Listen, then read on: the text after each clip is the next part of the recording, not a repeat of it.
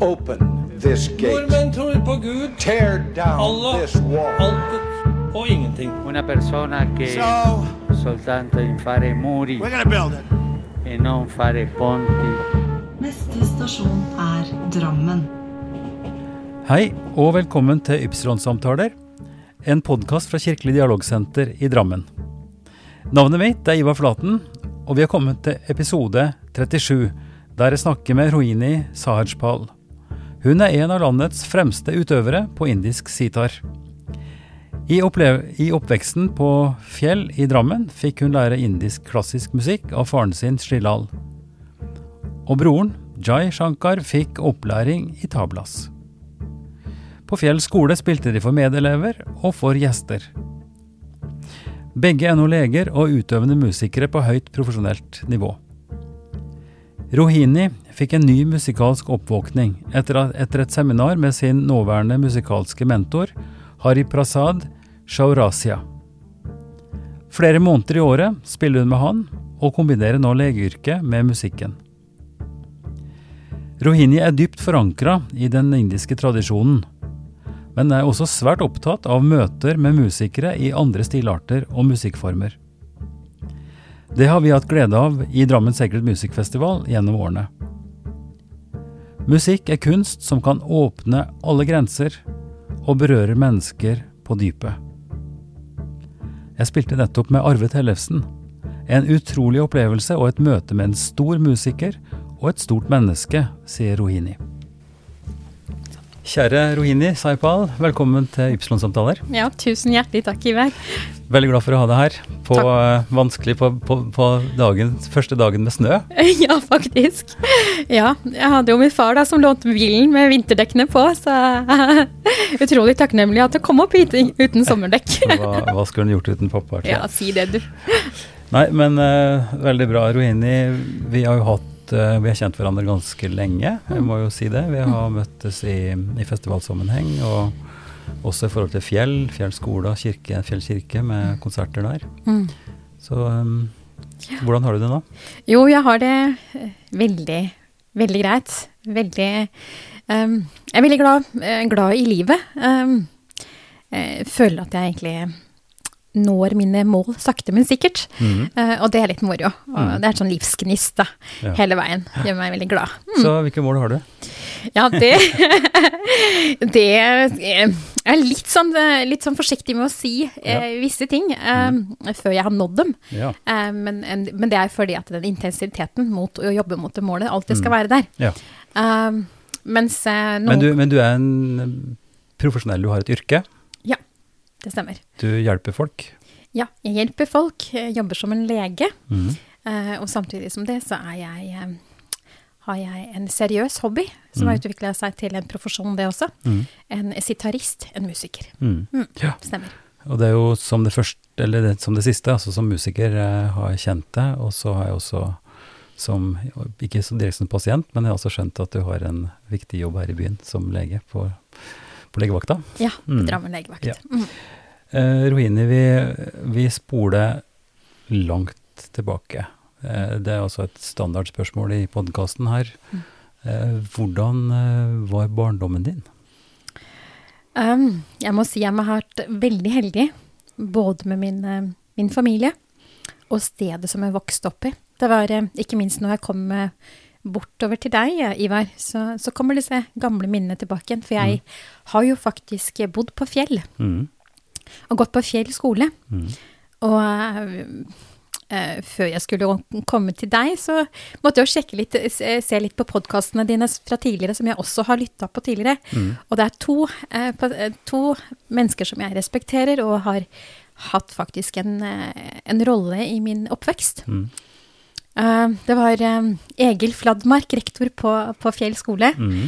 og, og Unni Helland. Ja, nettopp. Så det er to herlige mennesker som jeg husker fra min barndom. Mm. Eh, men jeg kommer fra et indisk, indisk hjem, Mm. der min far har um, kommer fra en familie med mye musikk i familien sin, Mm. og lengselen ble mer og mer når han flyttet til Norge. Og, og for å, å minke den lengselen, så, så underviste han musikk til Ja. oss tre barn. Um, så da begynte musikken å komme inn i um, familien. Uh, mamma var veldig sånn disiplinert og streng mot oss. Vi måtte spille før vi gikk ut og for å leke. Um, uh, ja, men dette skjønte jo ikke jeg noe av den gangen. Nei, nei. Uh, det var bare et instrument som man fikk i fanget. Sånn skulle det spilles. Sånn Ja. skulle det gjøres. Um, og så begynte vi på fjellskole. Og rektoren var jo eh, Egil Fladmark. Mm. Og han, eh, han var veldig oppmuntrende. Eh, og alltid Jeg tror nok han var en person som på en måte em, så det lille og gjorde det til litt stort. Mm. Det er en kvalitet å ha. Sånn at noe som ikke betydde noe for meg, blei plutselig veldig stort da, eh, på skolen. Ble anerkjent, ble anerkjent, plutselig. Ja, ja. Og det blei gøy. Det blei en lek. Mm. Um, og ikke minst så fikk jo Feil skole mange statsråder på besøk. Ja. Og kongen og dronningen kom på besøk. Så mitt møte med, med kongen og dronningen var jo eh, gjennom musikken. Mm. Og der startet reisen, faktisk. Eh, anerkjennelsen begynte å komme på skolen, og vi ble inkludert i Rikskonsertene på den tiden. Både du og Jai, ikke sant? Ja, jeg og Jai. Jai er min storebror som spiller tablas, og også er en lege. Mm. Og, og når vi fikk en sånn eh, anerkjennelse, ble inkludert som et barn i mange sånne prosjekter. Mm. Og det var faktisk en fordel, for at eh, jeg tror nok jeg og Jai ble veldig mye eksponert eh, for noe som var litt uvanlig Mm. eh, i den unge alderen. Så vi var jo borti mange forskjellige nasjonaliteter, masse musikk, eh, forskjellige farger på kleskostymer, eh, mennesker, og fikk veldig nærkontakt til mennesker. Mm. Snakker du da hele tida om det som skjedde på skolen, eller er du nå tilbake over i Rikskonserter? og Rikskonsertene gikk det over ja, til det. Ja. Men ikke minst eh, på Fjell skole så var jo på den tiden mange nasjonaliteter. Var, så det var også åpent der Mm. òg. Mm. Og, og det at man fikk plass.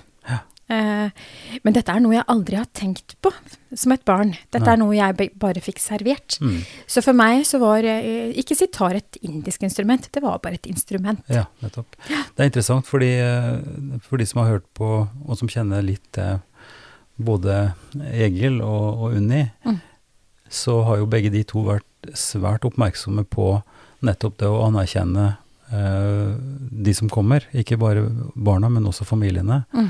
Og et av eh, de store prosjektene til Egil var jo at han eh, malte og monterte disse flaggene på veggen Mm. og at de har gjennomført FN-dag og sånn for å løfte fram og gi respekt og gi anerkjennelse til, til, til mangfoldet, da. Mm. Sånn at ikke, om da for nyankomne språket ikke skulle være helt på plass, så har de likevel en stolthet i, i det som de kan bidra med på, på skolen. Og det er noe av det som, som er veldig interessant i et kulturmøte, for det du beskriver er jo en, en far da med sterk indisk eh, identitet og, og kjærlighet til musikk og sånn, og som da bruker musikken, som du sier, til å beholde og utvikle den, den relasjonen. Mm.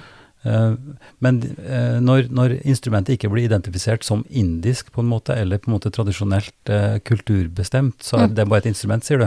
Ja, for meg så var det jo det. Ja, men, men, men er det også, vil du si altså det er noe av det samme som du opplevde i oppveksten din på fjell? Altså at det var en oppvekst som, som man, man sier jo litt sånn sjablongmessig at den er fargeblind. Mm. Kan det stemme? Er det noe som du kan øh, gjenkjenne, eller, eller Ja. var det forskjeller som stressa deg på det tidspunktet? Nei, faktisk ikke. Jeg var fargeblind. Jeg, jeg ble lært til at eh, du møter gode mennesker, Mm. Uh, og du, du responderer på det. Uh, og det var ikke noe forskjell. Altså, vi, vi var jo, hadde kristendom, vi hadde livssyn, vi var med i kirkene, vi var på svømming. Alt ble gjort Mm. så veldig naturlig. Og det var ikke noe begrensninger hjemme hos oss heller. Nei. Og det tror jeg egentlig jeg kan takke min mor og far for. Å ha den sterke indiske tradisjonen hjemme, men samtidig veldig åpen til den andre kulturen man er eksponert for, Mm. og aldri si nei til ting. Mm. Um, og da blei det på en måte en veldig sånn vanlig dag, Ja. med at alt var, var greit. Ja. Så det, det glidde veldig ut, inn og ut, og det, er, det, tror jeg egentlig har påvirka min personlighet også. Mm. Så nå som jeg presenterer en indisk instrument, så er det deres, du som tenker at det er indisk. For meg er det rett og slett musikk. Ja. Um, Det er min, eh, eh, min definisjon, da. Mm. Sånn at jeg tenker jo hele, hele tiden Det er et hav. Mm. eh, og de andre er dråpene. Mm. Hva slags dråpe, om det er i det indiske havet eller arabiske, ja, det er noe du ja. tenker. Men jeg tenker det som et hav, jeg. Mm. Ja. Um, så den derre ståstedet der, det, det gjør deg til å, å gli litt, litt mer Mm. med folk. Du kan ta meg hvor som helst når det gjelder musikken. Mm. Og du får en eh, noe helt annen tankebaner da. Eh, Du Ja. kan spille med eh, flamenco, du kan spille med afrikansk musikk. Mm. Og hvorfor ikke? Det Mm. er jo bare Ja, musikk. ja, og ikke minst pop og Metallica og de type, type Mm. tingene der også. For at du er ubegrenset, da. Mm. Ja, nei, det, det skjønner jeg, og det er jo det store i, i kulturmøtene. Mm. Altså når man, har, eh, når man har en profesjon, har en forankring, har et instrument som da rent logisk, teknisk, praktisk har en tilhørighet, Mm. og som, som har en forankring Mm. I en tradisjon, Mm. så er ikke, det til, er ikke denne motsetning til å skulle la det instrumentet, la den teknikken, la det uttrykket møte andre uttrykk for, Mm. å, for å utvikle enda nye, nye Mm. varianter. Mm. Så det, det skjønner jeg, men jeg er fremdeles litt nysgjerrig på om du kunne si litt mer om hva det rent praktisk eh, betyr når du sier at du vokste opp i et indisk hjem. Mm. Eh, hva, hva innebærer det? Og jeg spør ofte også etter spesifikt religiøse eller, eller tradisjoner, Mm. fester osv. Mm. Eh, kan du si noe om hvordan, eh, hvordan det indiske på den måten har prega deg? Jeg kan gjerne beskrive det for min egen familie. Ja. Eh, min mor er, er, eh, er og har alltid vært en veldig religiøs dame. Mm. Synger mye salmer, så indiske salmer, hjemme. Mm. Så jeg vokste opp i en, en, en morgenen der på en måte hun tenner en telys Mm. og synger salmer. Så det gikk i ørene. Mm. Eh, far på min annen side er mer praktiserende. Mm. eh, med at han eh, har den holdningen med at ting er riktig og galt. Mm. Ja. Eh, menneskene ikke Det er ikke noe forskjell der. Mm. Så jeg har fått liksom begge, det tradisjonelle og det utradisjonelle hjemme. Um, og så er det det med musikken, uh, som jeg kan uh, si noe om. At vi hadde strenge rutiner. Eh, Før du skulle ut og leke med andre barna, så måtte du spille Mm. den og den tid. Mm. Gjorde du ikke det, så fikk du ikke lov å gå ut og spille, uh, leke med andre barna. Um, og så var det sånne forskjellige arrangementer som skjedde. Um, både indiske og norske. Mm. Og det skulle man absolutt være med på, Mm. for det var eh, Det var noe pappa mm, mente at man lærer alltid noe av de forskjellige. Mm. Den holdningen Ja. der. Og, vi, og da var det faktisk eh, musikken som var inngangsporten til å komme til de forskjellige anledningene. Mm. Og igjen anerkjennelsen for at man spiller et Ja, ja, instrument. ja. Mm. Um, så det, eh, det var liksom det, og pappa har jo vært Det skal også sies det at um, pappa har vært veldig opptatt med at vi skulle lære det eh, dybden på musikken. Mm. Én ting er å vise frem de, de forskjellige instrumentene. Mm. Um, eksotisk instrument, sitar er jo veldig flott instrument i seg selv, og skiller seg veldig fra de andre instrumentene. Mm. Men så var pappa veldig sånn derre eh, Du skal alltid bli kjent som en musiker, Mm. ikke som et eh, eks, eh, eksotisk innslag. Nei. Um, og den må du jobbe for å inn i, eh, Mm. for det, det kan ta lang, lang tid. Mm. Og det er flere kunnskaper, det er en, en sterk tradisjon innenfor indisk musikk. Mm. Mm, med ragamusikk og Mm. ragalæringer, og det, det er igjen å Det er mye improvisasjon. Jeg kan fortelle litt og kort om musikken. Mm.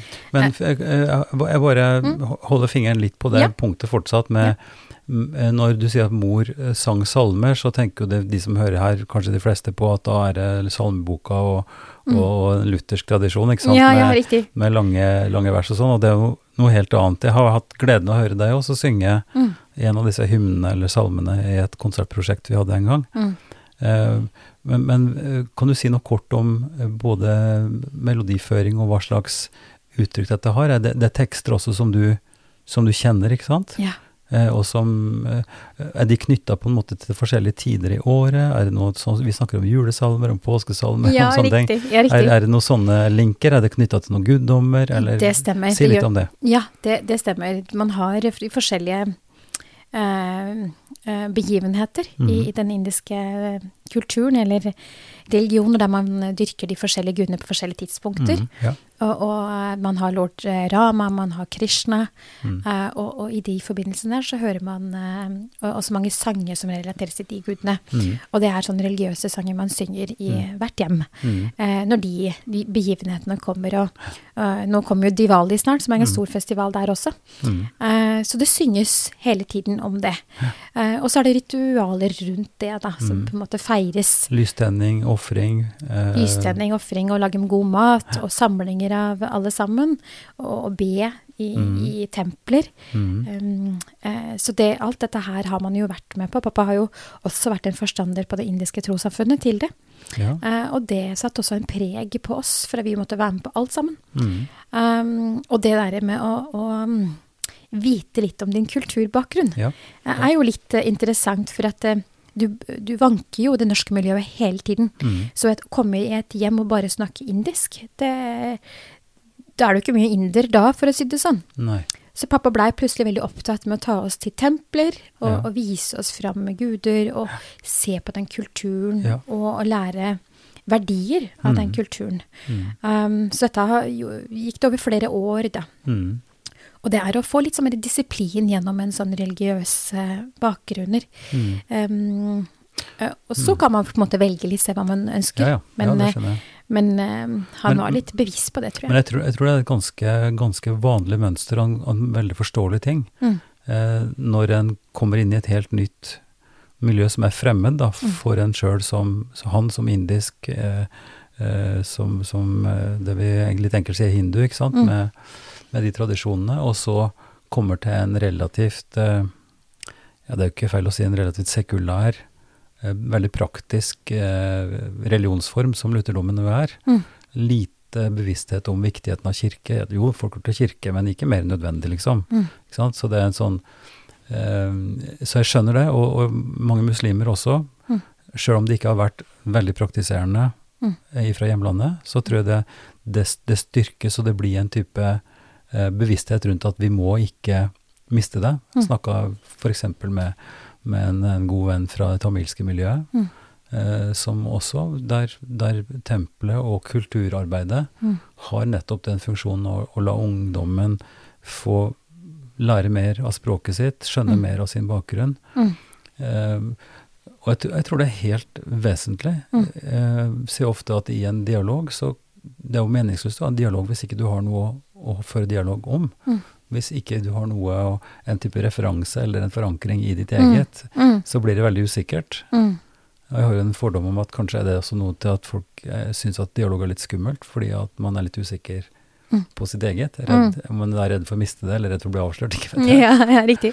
Nei, men du, det er jo litt interessant det du sier, for at før jeg kom til deg i dag, så begynte man å tenke at hva er det som er så interessant? Mm. Altså med, med et vesen som meg, for at det er mange ting du spør her som man egentlig ikke reflekterer over, som er en faktisk del av det. Mm. Eh, så når man har en sånn dialog, så blir man jo litt som en uh, tankevekkende på mange måter også. Mm. Eh, hva er det du faktisk har fått med deg gjennom Ja. barndommen, som på en måte blir litt interessant Mm, når, mm. når du spør de spørsmålene der. Ja. Mm. Så det jo når, når uh, Srilal, faren din, tok dere med til tempelet, Mm. eh, hva, hva, hvordan var det? Eh, altså Var det en gjenkjennelse fra salmene hjemme? Eh, altså Når unger er med i kirka, nå har jeg barnebarn som ikke går så ofte i kirka, Mm. men de blir jo veldig fascinert av rommet, Mm. av orgelspillet, Mm. av altså et, et, et, et rom som er veldig forskjellig fra hjemmet, Mm. for eksempel. Ja. Ikke sant? Mm. Hva var det du, eh, dine møter med, med tempelet? Var det gjenkjennelse? Var det fremmed? Kjeda du det fælt? Hadde du lyst til å være hjemme igjen? Eh, noe skjeding var det jo. Som et Mm. barn så er det hoppende og sprettende, og, og Ja, ja. man lærer jo disiplin på sånne steder. Mm. Det er jo også noe som på en måte skal sies at eh, uansett om man lekte etterpå, men Mm. skulle man i hvert fall sitte der i kvarter. Skulle lære seg å sitte. Mm. Så den disiplinen kommer jo på de stedene man går, og Mm. skal liksom lytte litt etter. Mm. Og etter at man hadde vært på noen steder, så skulle man komme hjem og ble spurt. Ja, Hva lyttet du etter? Ja, ja. Sånn at ikke det blei på en måte bare tulla bort, Ja, men det var ja. viktig å få med seg det Mm. også. Mm. Og det andre var jo faktisk eh, Man har jo ører for musikk, da. Mm.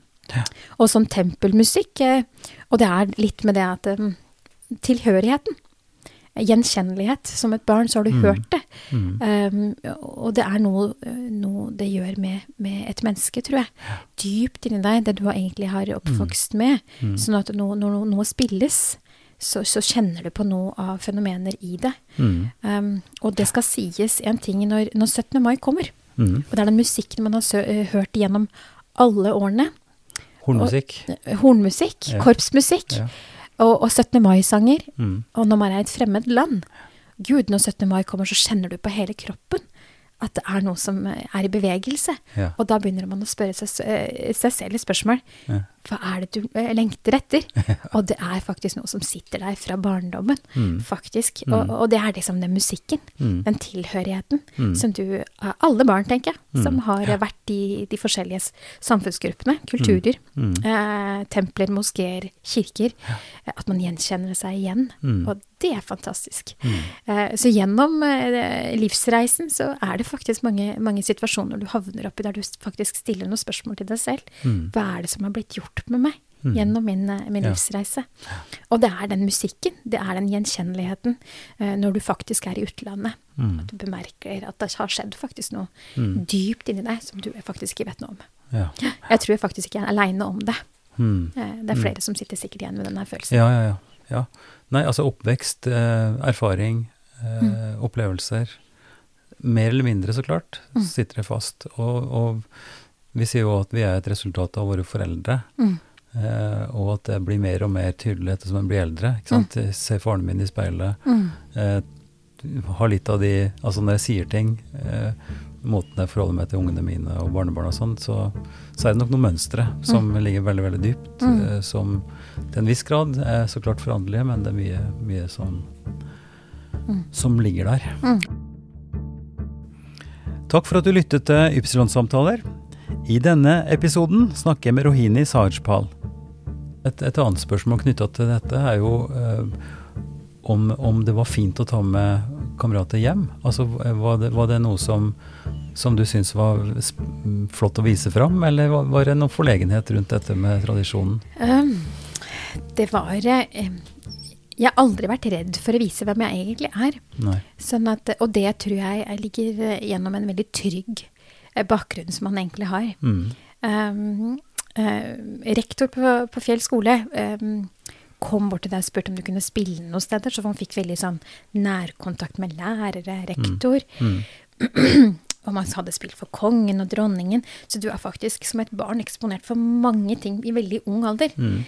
Og det skaper glede hos deg selv, og da er du faktisk litt stolt, da.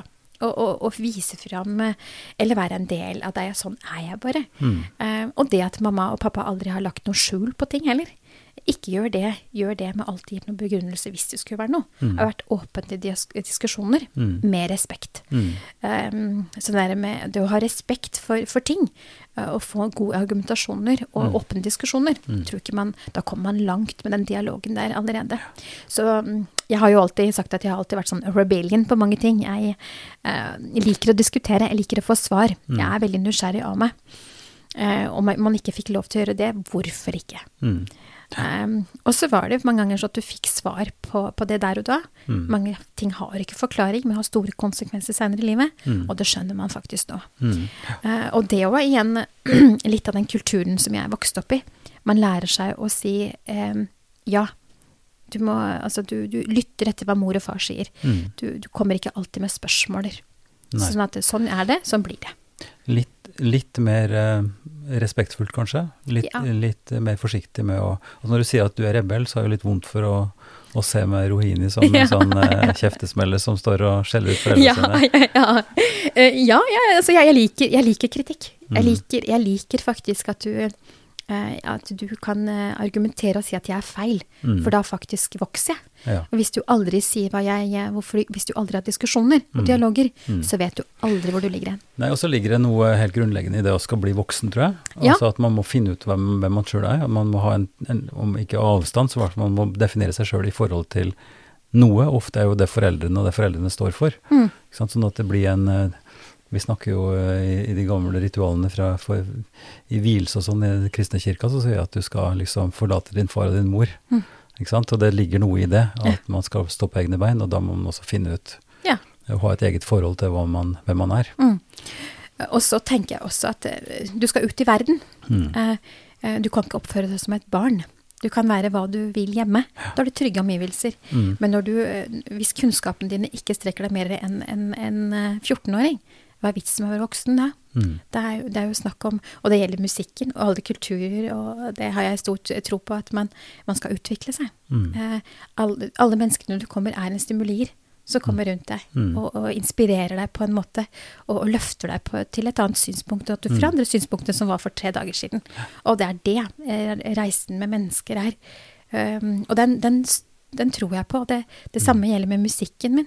Jeg tror jeg egentlig tar eh, tankemåten min og sånt, er veldig mye fra musikken jeg holder på med. Mm.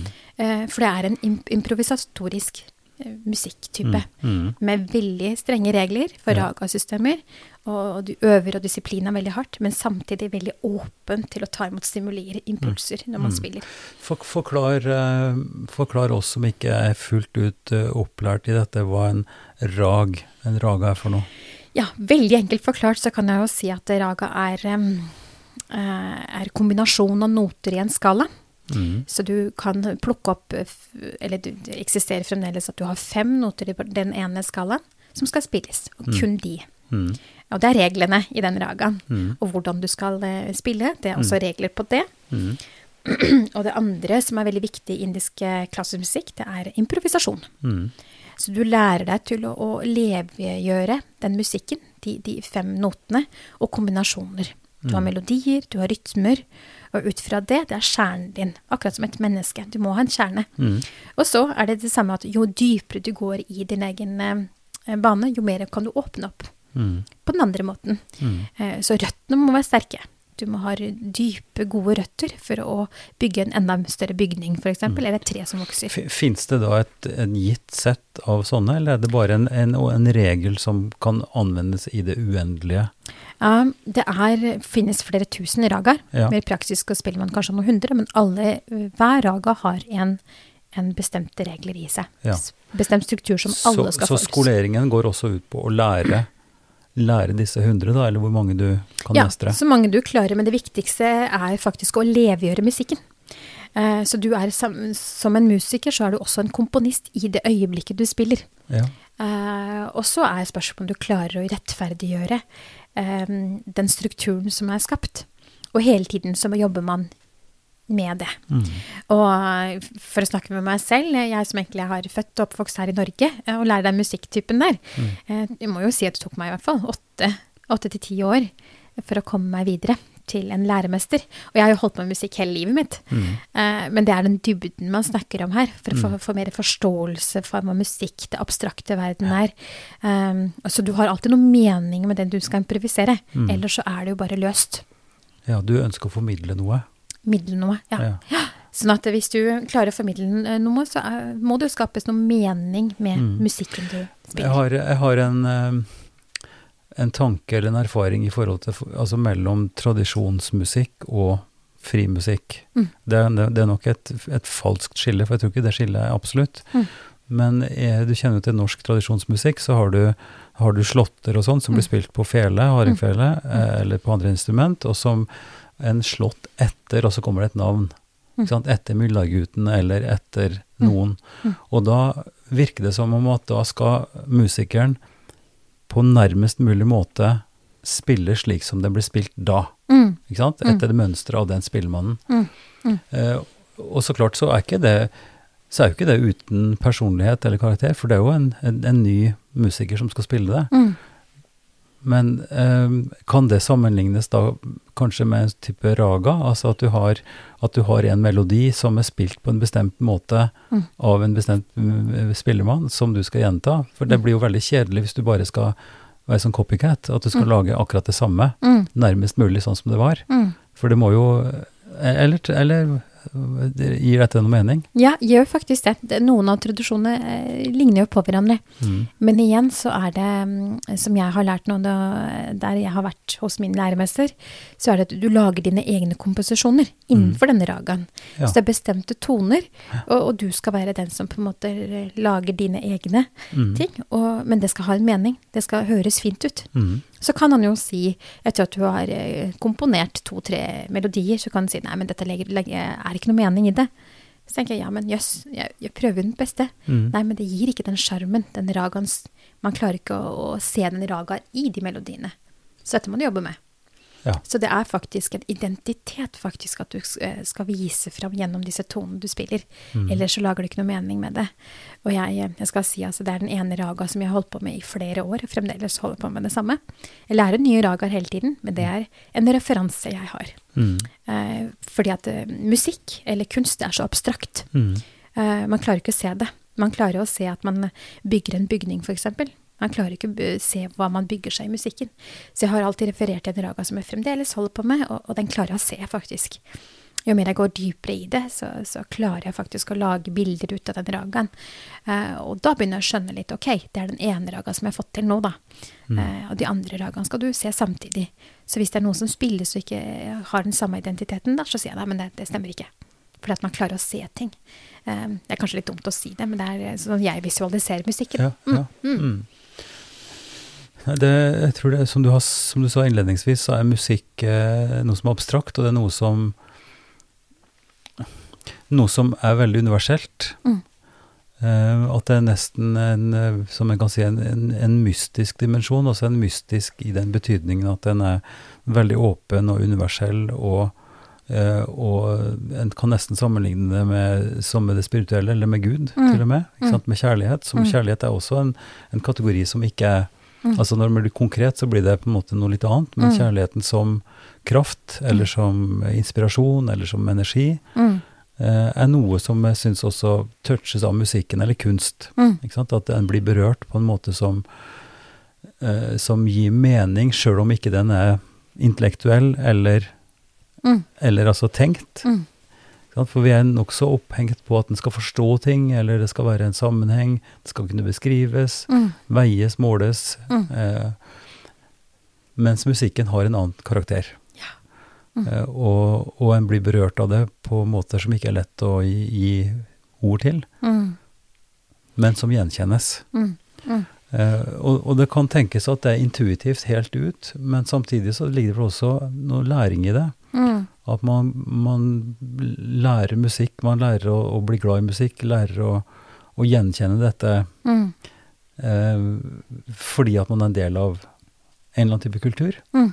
Mm. Eh, For, hva tenker du om det? Er det sånn at vi er sånn fra fødselen liksom klare for å ta imot dette, eller, Ja, jeg du? tror egentlig Mm. uh, I mange kulturer så er, tror jeg nok egentlig kunsten er veldig undervurdert. Mm. Um, jeg tenker at du, du trenger mat for å vokse opp og, og Mm. komme deg gjennom.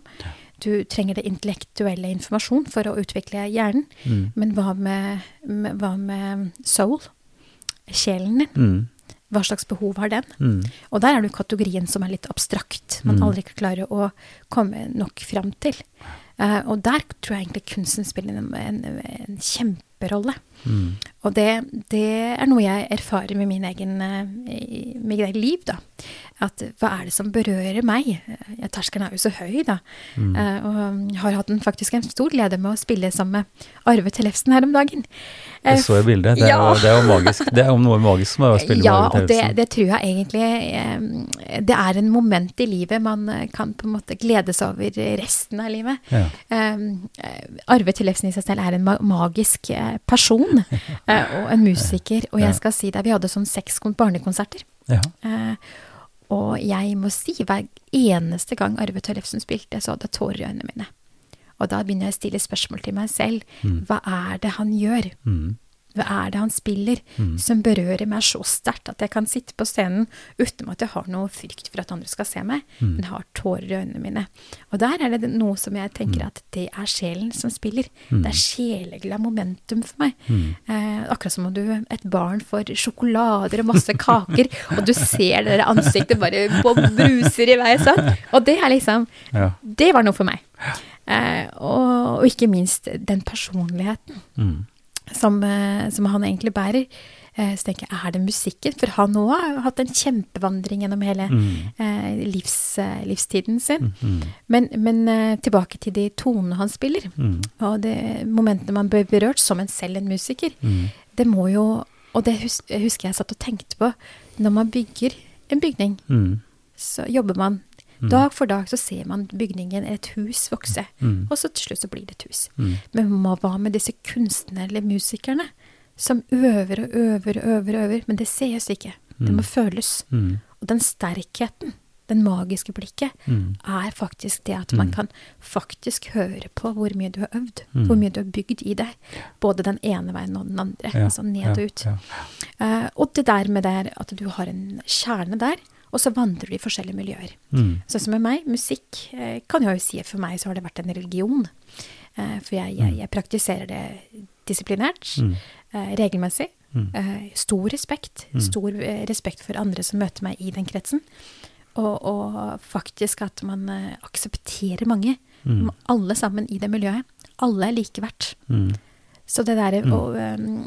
Kunsten likegjør alle sammen. Åpne til dialog. Lytte. Eh, det er jo faktisk det vi lærer i templer og moskeer og, kirker. Mm. Eh, å lytte på hverandre, høre på hverandre, veksle ting. Det er jo det musikken gjør. Mm. Sånn at det, mer og mer så har jeg faktisk begynt å danne til at ja, men hvorfor ikke kunst og musikk som en religion? Her er det åpenhet for alle sammen. Mm. Um, og ingen er redd for å vise seg fram. Ingen, Alle kommer jo med sine meninger når det gjelder musikken. Deres uh, tradisjonsmelodier, musikk, låter, noter, rytmer. Alt er respektert. På en veldig flott måte. Ja. Nei, det, det er ganske radikalt uttrykt, altså når, når du sier at, at uh, musikken blir religion, men at det blir en, en praksis Mm. uh, og en erfaring. Mm.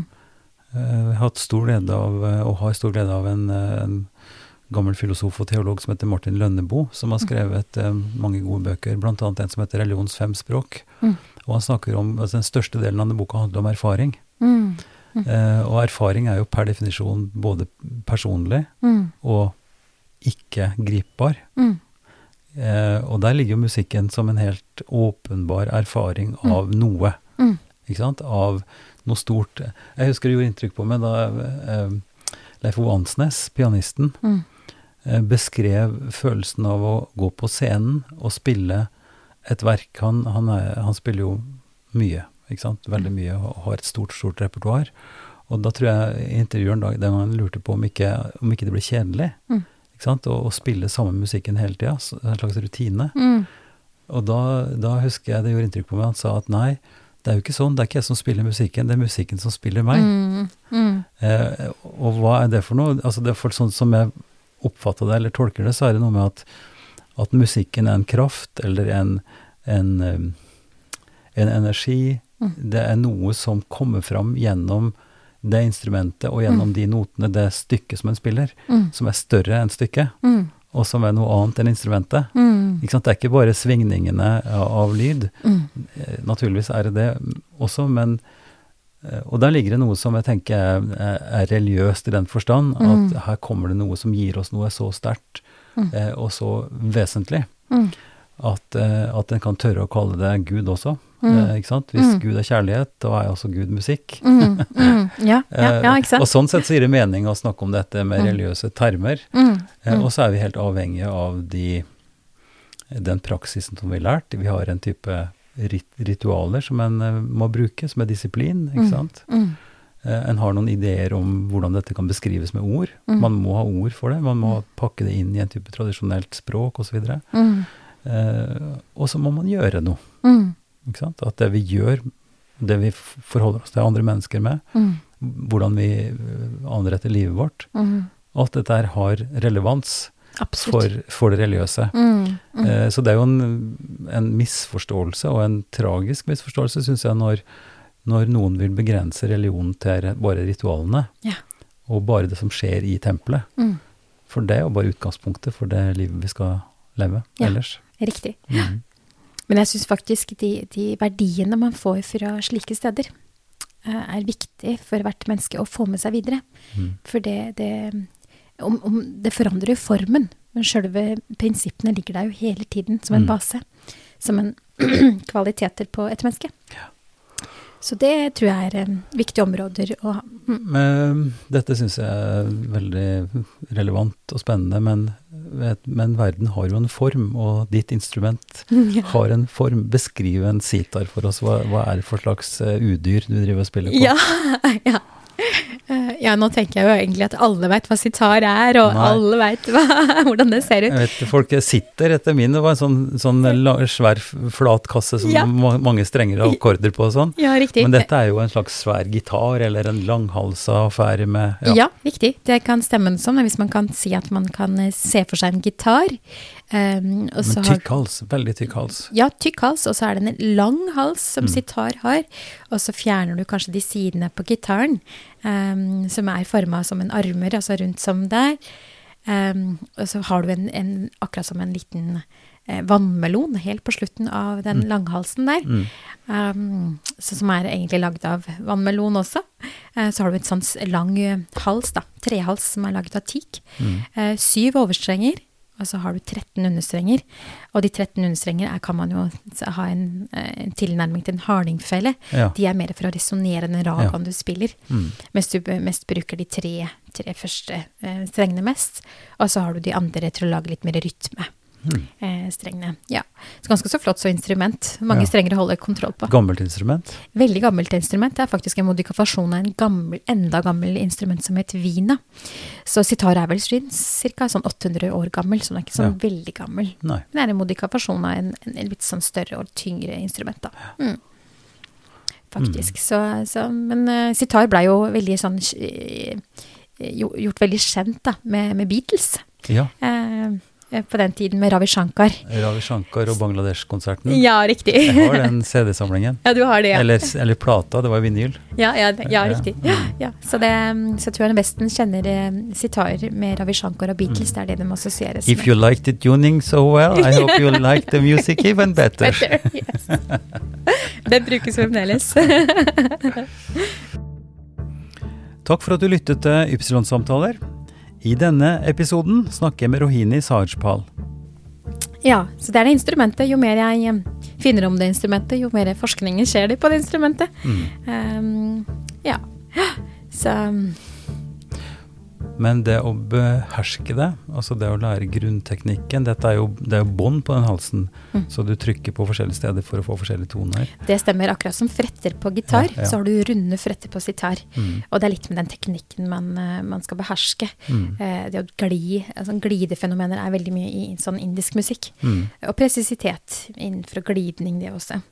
Eh, Det siste du sa var glidning. Ja, men før det, press. Eh, presisitet. Ja, altså det at det Ja. skal være presist. Presist, ja. Ja, Mm. at det skal være på riktig sted. Ja, riktig sted. Og til tross for at du glir eh, Ja. litt forskjellige toner. Halvtoner, mellomtoner. Mell halvtoner, mellomtoner, én tone, to toner, tre toner, fire toner. Og Mm. da skal du kunne spille raskt, men Mm. samtidig ha full kontroll på det. Mm. Mm. Ja, så det er jo Akkurat som andre instrumenter, så har den sin egen teknikk, da. Utvikle Og dette tar år å lære.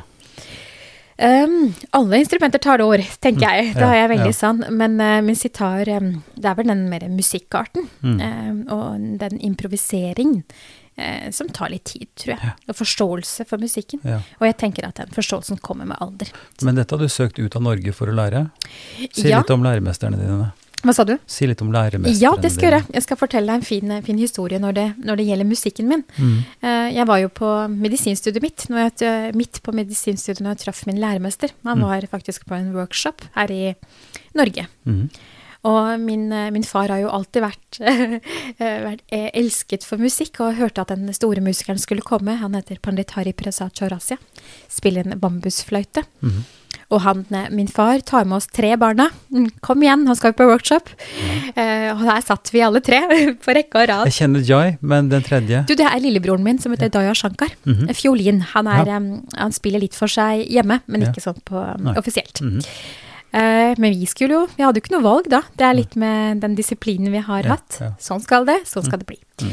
Så vi sitter jo på rekke og rad, denne læremesteren kommer, og fordelen med å være i Norge, å være den eneste indiske familie som holder på med musikk, eh, så har du faktisk en, en eh, lettere tilgang til disse Mm.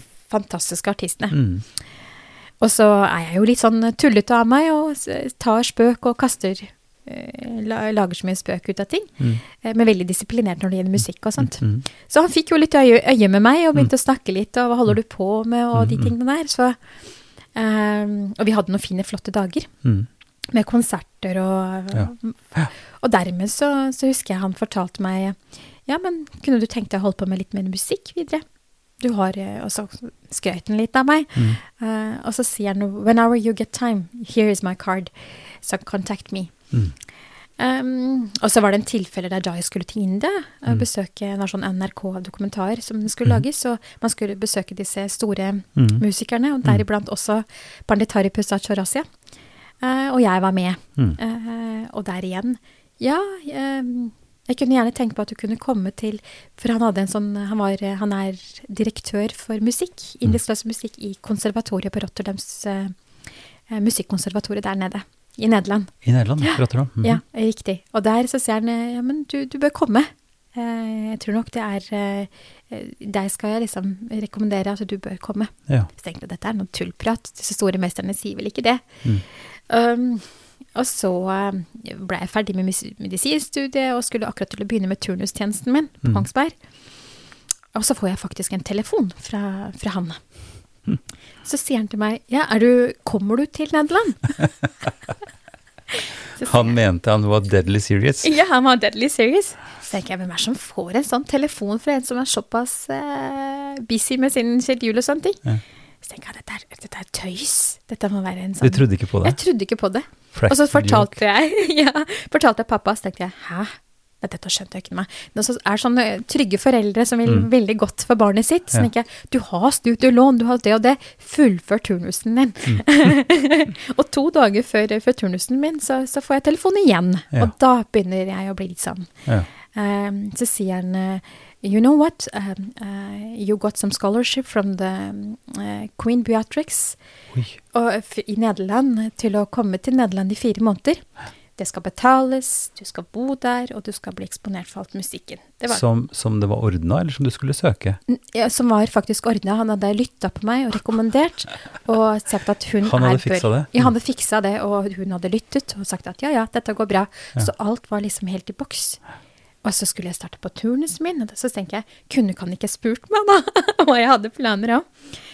Og så snakker jeg med pappa, og så sier han, fullfør turnusen din. Ehm, og så tar du det et, etter det året du er ferdig med turnusen. Så ja, ja, ok, pappa. Og så husker jeg satt på en sånn morgenmøte med alle leger rundt meg, og fikk en kjempevondt i magen. Denne dagen så tenker jeg, at dette er feil. Det er noe som ikke stemmer. Og det bare vrang skikkelig i magen. Ja. Og så går jeg til eh, avdelingslederen på medisinavdelingen. Mm. Janne Berit Mandelid het hun. Mm. Og så sier jeg, men kjære Janne, eh, Janne Berit, det er situasjonen min. Mm. Jeg vet ikke hva jeg skal gjøre. Og så sier pappa at fullfør turnusen din. og den flotte damen sier til meg, hva er det du venter på, Roini? Det er jo ikke tilbudet som kommer eh, Mm, hver dag. mm. Turnusen kommer tilbake igjen. Ja. Re reis hjem, Mm. bestill billett, og så ordner jeg turnusen din tilbake igjen til Kongsberg. Wow. Eh, og det er sånne engler som kommer. mm. Og så husker jeg at eh, Så tenkte jeg å gud, pappa kom til å bli kjempesint på meg. Mm, Dette mm, var ikke ja. lov, da. Du er virkelig har respekt for faren din, du. Ja, jeg har det. Ja. Samtidig at jeg kan ha store diskusjoner, men jeg, ja. jeg er veldig jeg. Ja. Så tenker jeg ja, alle i familien mot meg, det går jo ikke. Men pappa Mm. har jeg god tone med. Så, så på veien til eh, hjem, til eh, hjem til meg selv, så ringer jeg pappa og så tenker jeg, pappa, jeg skal eh, ta med deg på, på en kafé. Mm. Skal, jeg ønsker å prate litt med deg, aleine. Mm. Jeg er på vei. Mm. Er du ikke på jobb, da? Nei, men det kan jeg fortelle. så husker jeg dro hjem. eh, fikk pappa i bilen, Mm. og så dro vi på Buskerud Solsenter på en sånn kafé. da. Ja. Serverte kaffe og en liten kakebit. Og så sier jeg pappa, for første gang i livet så er det ikke noe jeg spør, men Nei. jeg bare, bare sier at jeg kommer til å gjøre dette her. Ja. For at jeg har fått beskjed fra Janne Berit som kommer til å ordne det. Og ett år skader meg ikke. Om Nei. jeg feiler, så feiler jeg. Ja. Men da har jeg i hvert fall prøvd det. Mm. Jeg tror eh, Og pappa lo. så jeg syntes det var så en merkelig måte å si det på. Ja. Så tenkte jeg jeg, men ja, men hvis du har såpass sterk følelse for dette her, så, så kan du få lov til å reise. Så du fikk din fars velsignelse. Ja, Hvor gammel var du da, Romini? Du, da var jeg rundt eh, 25-26, Ja. tror jeg det var. Og, og din fars ja eller nei betyr så mye. Absolutt. Jeg, em, jeg Det er en eh, Han er min far, han er min læremester, han er en vel, en min beste venn. Mm. På mange, både oppturer og nedturer. Han har fulgt med meg hele veien. Mm. Uh, og ikke at jeg ikke at jeg skal si at jeg blindt stoler på alt det han sier, Nei. men jeg liker å diskutere. Om jeg får nei, så er det helt greit, men da har jeg hørt på hva han sier. Ja. Men hans meninger har jeg alltid med meg Mm. uh, på ting jeg gjør i mitt liv, med store valg iallfall. Ja. Uh, og han er dønn ærlig, Mm. og han, uh, han kan være på de mest fantastiske konsertene. Og så kommer han hjem, og så kan han si Men Rohini, den konserten der kunne gjort den her bedre, altså. Mm. Så han er min største kritiker ja. på alle mulige måter. Ja. Eh, Gode ting, det ser folk, men Mm. eh, den kritiseringen og veien til utviklingen av meg tror jeg han spilte stor rolle. Men du fikk ja, du dro. Hva skjedde i Rotterdam? Nei, en ny verden åpna seg for meg. Og den, den er så takknemlig for, for at det, um, jeg ble eksponert for verdensmusikk, forskjellige musikkbaner, mennesker. Um, enda mer disiplin med min læremester. Og da er det faktisk en stor, legendarisk musiker som jeg var, har vært sammen med. Å tilbringe tid med han var faktisk noe av det mest, um, ja, mest vakreste jeg har sett. Mm. Og den musikken, Mm. ikke minst. Og den, når jeg først ble eksponert til han, så skjønner jeg jo litt mer musikk, da. Men han spilte ikke sitar. Det gjør han ikke. Han Fløyte? spiller fløyte. Men eh, her er det jo eh, Jeg er ute etter å lære musikk, ikke Mm. teknikk på Nei. eh, instrumentet mitt. Nei. Og jeg skal si det, jeg har aldri lært en sitarist, egentlig. Nei. Bare hatt noen få timer med sitaren. Så var det min onkel en gang som sa til meg lyden, kvaliteten på lyden er det viktigste. Mm. Om du skal spille på forskjellige måter, det bestemmer du selv. Mm. Men du skal få det til. Ja. Det er det som er viktig. Mm. Så teknikken, den kan du utvikle selv. Um, mens musikken, den kan du lære av den du Mm. egentlig liker musikken til. Um, så, den var, så kom jeg til lærermesteren min, og dermed så begynte veien videre med at han eh, inviterte meg videre til India. Og jeg fikk komme dit, og ikke minst at kriteriene for å komme til både Nederland og India har vært at jeg skal ha sykehuset ved siden av. Ja. Så det har, jo, har man jo også klart for å få det til, da. Så man har på Rasmus. Erasmus, ja. ja. Riktig. Du har vært her? Ja, broren min jobba i kirka der i flere år. Ah, på det sjø... Ja, riktig. Mm, Ja. Så han eh, Ja da, jeg vet hvor Rasmus ligger. Rasmus ligger. Ja, ja, riktig. Der har jeg vært Mm. gang, og kjører forbi, altså er forbi hver gang jeg går forbi der, og fordi at det er norsk sjømannskirke. Mm. Ja, Mm. fantastisk. Mm. Ja. Så det, der begynte det også. I siden da så har jeg vært hvert år i Nederland og i India for å, for å mm, lære musikk. Mm. Så du kombinerer legeyrket ditt Mm. med musikk. Med musikk. Eh, prosentvis, eller er det tilfeldig? Hvordan organiserer det? Nei, jeg organiserer det alt ettersom hvordan eh, man har muligheten til å komme i kontakt med læremesteren min. Mm. Så han er, jo, han er jo sola, så jeg beveger meg alt etter hvordan, hans, hvordan han er, og hvordan han er i verden. Men Ja. nederlandstiden var jo i april, mai juni. Ja. Uh, og og um, oktober, november, desember i, i India. I flere år. Fast. Fast, ja. I Mm. noen år. Da Flere måneder, rett og slett? flere måneder Ja. i, den prosessen der. Og, og lære musikk. Mm. Mm. Um, og det Hva skal du bli når du blir stor? Hva sa du? Hva skal du bli når Ja, det er et godt spørsmål. jeg er ennå fremdeles barn har masse lyst til å lære masse forskjellig. Ja. Men uh, i, nå i øyeblikket så kan jeg jo si det er akkurat som å ha to barn. Ja. Hvem skal man gi fra seg? ja. Eh, jeg, jeg lytter og er sammen med mine altså bøker og instrumentet mitt. Det, Mm. det er noe jeg har Mm. pusta med gjennom hele livet mitt. Mm. Og når noen spør meg hva, hvem skal du gi fra deg, klarer ikke, Ivar. Det er, det er så vanskelig. Og jeg, jeg skal si at det ene gir meg så mye til det andre. Uh, uh, på, som en lege så, så er jeg jo faktisk Jeg jobber på legevakta, Mm. og der har jeg jo på en måte sett folk i kriser. Mm. Og det er den eh, mørke siden av samfunnet, da. Mm. Der man skal på en måte prestere og være en del av. Mm. Og musikken har den lyseste sida. Så jeg har en fantastisk kontrast. Mm. Så den dybden i dype sider av, av samfunnet Mm. gir meg mest lys på den andre måten også. Mm. Eh, mine følelser, mine uttrykk og alt det jeg går igjennom, er en del av min musikk. Mm. Og i og med at jeg improviserer, så er jeg veldig sånn impulsiv. Mm. Og, og lever veldig i øyeblikker. Og det tenker jeg den legeyrken legeyrket forsterker musikalitet, faktisk. Mm. Um, og- og musikken gir meg overskuddet til å presentere og gi tilbake til den andre. Så man gir. Mm. Uh, uh, så jeg tenker den ene Det er litt vanskelig å si det, jeg har aldri tenkt eller reflektert på det, men, men på en eller annen måte så gir de seg med styrke på, på hver sin måte. Mm. Og det å kombinere både medisin i noen tid og musikken overskudd, overskudd. Mm. Så jeg kan eh, Og noen spør meg jo, du, du jobber jo så mye, og du gjør jo så mye ting. Så tenker jeg det er jo takket være de tingene jeg har med meg, Ja. at det styrker meg såpass godt. At du ikke brenner ut på noen av delene. Nei, Og jeg storkoser meg. Jeg kan uh, gjøre det dag og natt uten å blunke. Det gjør meg ingenting. Mm. Uh, det er for at det gir meg så mye tilbake. Mm. Det er mine beste venner. Mm. Livs beste venner som er med meg hele tiden, overalt. Hele tiden i verden. Ja. Mm. Ja. Så det er litt med, litt med det. Mm. Vi har jo dekt eh, et ganske stort felt nå. Snakka både om eh, kunsten, musikken, om det å være barn og vokse opp eh, med indiske røtter og indisk kultur i Norge. Jeg pleier også å interessere meg for å stille spørsmål om hva, hvordan en ser samfunnet nå i dag. Vi står eh, denne Jeg er ikke helt sikker på når vi skal sende dette her, men det blir jo et stykke fram i tid. og og vi nærmer oss valg i USA. Vi ser på politiske og sosiale motsetninger. Vi snakker litt om Sian, f.eks. Mm. Um, har du noen tanke om, eh, om hvor, eh, hvor du og musikken din uh, går inn i det bildet? Har kunsten Altså, når du, når du reparerer folk som kommer og er dødssyke på, på legevakta, så er det ganske enkle greier. ikke sant? Da er det livet som skal berges. Mm. Du har kompetanse på det. Mm. Men kan vi, kan vi berge hverandre? Mm, Kan vi, kan vi hele hverandre med musikk, Mm. tror du? Kan vi bruke det som et, et middel? Altså er kunst noe som kan hjelpe oss videre Mm. i de konfliktene og motsetningene vi ser? Mm. Det tror jeg. Eh, kunsten åpner jo for veldig sånn eh, dialog. Lytte til andre. Mm. Eh, respektere andre. Og forstå hverandre, ikke minst. Um, så jeg tenk, har jo alltid tenkt at hvis alle politikerne hadde vært litt musikere, så hadde verden vært noe helt annet. Men jeg tenker jo, Ivar, du har jo vært veldig glad i musikk og kunst. Mm. Og um, eh, når vi tenker tilbake til oss, da, Mm. Eh, og og du, du, du kommer jo så fine eventer og, og utfordringer til meg.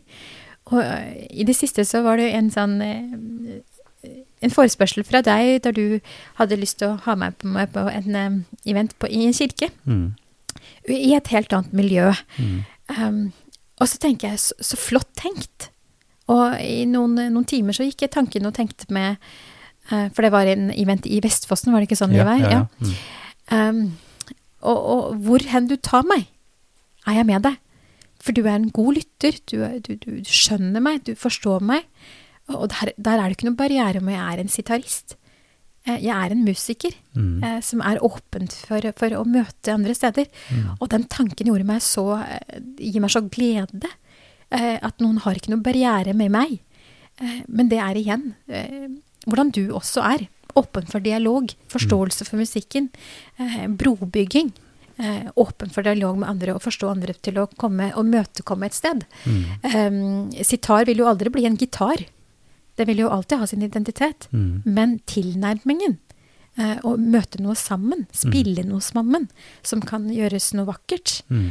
um, Det har alltid vært muligheter for det. Mm. Det er eh, Mm. Jeg, kny jeg knytter jo det veldig sterkt til, til musikk knytta mot dialog, nettopp på den grunn du snakker om nå. Mm. Eh, men en av de fineste øyeblikkene jeg har hatt eh, i mitt liv, og, og sikkert eh, som du også har gitt uttrykk for, da, da vi var sammen på Slottet Ja, og laga en Nettopp en dialogisk, musikalsk eh, opplevelse. mm, ja, fantastisk. Eh, og, og bare forklare settingene, for da var det jo noe som heter STL, altså Samarbeidsråd for to livssynssamfunn i Norge, Mm. som var invitert av kongen og dronningen til å ha en dialog Mm. i storsalen der, hvor man satt rundt små bord, Mm. og det var representanter for alle de 13 ulike tro- og livssynsorganisasjonene som de er paraply for. Mm. Eh, og så fikk jeg oppgaven å lage noe, eh, et kult, kulturelt innslag, Mm. som skulle spille opp mot det samme dialogiske. Mm. Og da var jeg jo heldig å kunne kjenne mange, annet deg og, og Srila. Jai var bortreist da. Ja. Mm. Men mange andre musikere også, som fra helt forskjellige vinkler Mm. eh, fikk noen ideer fra meg. Mm. Og så var vi sammen på kvelden før hos Erik Hillestad, Mm. og så møttes vi på Slottet Mm. Og hadde en forestilling. Mm. One time only. Ja, fantastisk. Eh, og, de, og den ideen med musikk, at man faktisk da ut ifra noen få temaer og ideer Mm. kan spille sammen og lage et uttrykk Mm. som blir noe annet enn det man har eh, tenkt seg, kanskje. Altså, det er ikke ferdigskrevet med noter og alt mulig skal være helt likt. Men at man snakker sammen, lytter til hverandre og lager noe Mm. som er det samme som dialog også. Mm. Og man må ta risikoen på at det kan ta en litt annen retning, eller man kan gjøre noe litt annet enn man hadde tenkt. Mm. Mm. Fordi at stunden og de man er sammen med, krever det. Ja. Riktig. Og hvis musikken og dialogen da kunne møtes og, og, og gjensidig inspirere hverandre Mm. eh, på en sånn måte, så tenker vi, vi har gjort ganske mye. Jeg tror, og så tror jeg faktisk det der med, med kunsten eh, der Jeg tror nok i alle felter, eh, om det er eh, forskjellige arenaer i et samfunn, så er kunsten, eller eh, kultur, da, er den letteste måten å begynne et sted på. Og, og, og, og vi så jo under eh, Slottets tak at alle var samla, og alle føltes jo ett. Mm. Musikken spilte, og alle storkoste seg. Det var rett og slett deg, meg, alle. Oss. Mm. Eh, klart vi var representerte, men alle var jo godfolka. Alle var lyttende Mm. under det, det samme taket med kongen og dronning til stede. Mm. Så jeg tror det er en av de fantastiske stundene jeg har vært med på. Må jeg bare sies. Så eh, timen har gått, Rohini. Uff. Ja. Veldig hyggelig å ha deg her, og jeg ønsker deg fortsatt alt godt i, i utviklingen av din kunst, og også i legejobben. tusen Eh, jeg vet hva det betyr å ha gode leger, ja. og jeg vet hva det betyr å ha musikere og kunne møtes i, i det fellesskapet som er litt mystisk og rart, men som, som er sterkt bevegende, og som jeg tror gir oss både livsmot og, og livsmening. Absolutt. Takk skal du ha. Tusen hjertelig takk for å ha meg her. Mhm. Takk for at du lytter. Mer informasjon om oss og hva vi holder på med, det finner du på www.ypsilonsamtaler.no. Der vil du òg finne en kort presentasjon av alle samtalepartnere og lenke til episodene. Abonner gjerne på Ypsilon-samtaler i din podkast-app. Vi er veldig glad for tilbakemelding og forslag som du kan sende til Ivar, krøllalfa, kirkeligdialogsenter.no. Podkasten er støtta av Drammen kommune, Barne- og familiedepartementet og Einar Juels legat. Ansvarlig utgiver er Kirkelig dialogsenter Drammen, ved daglig leder Ivar Flaten.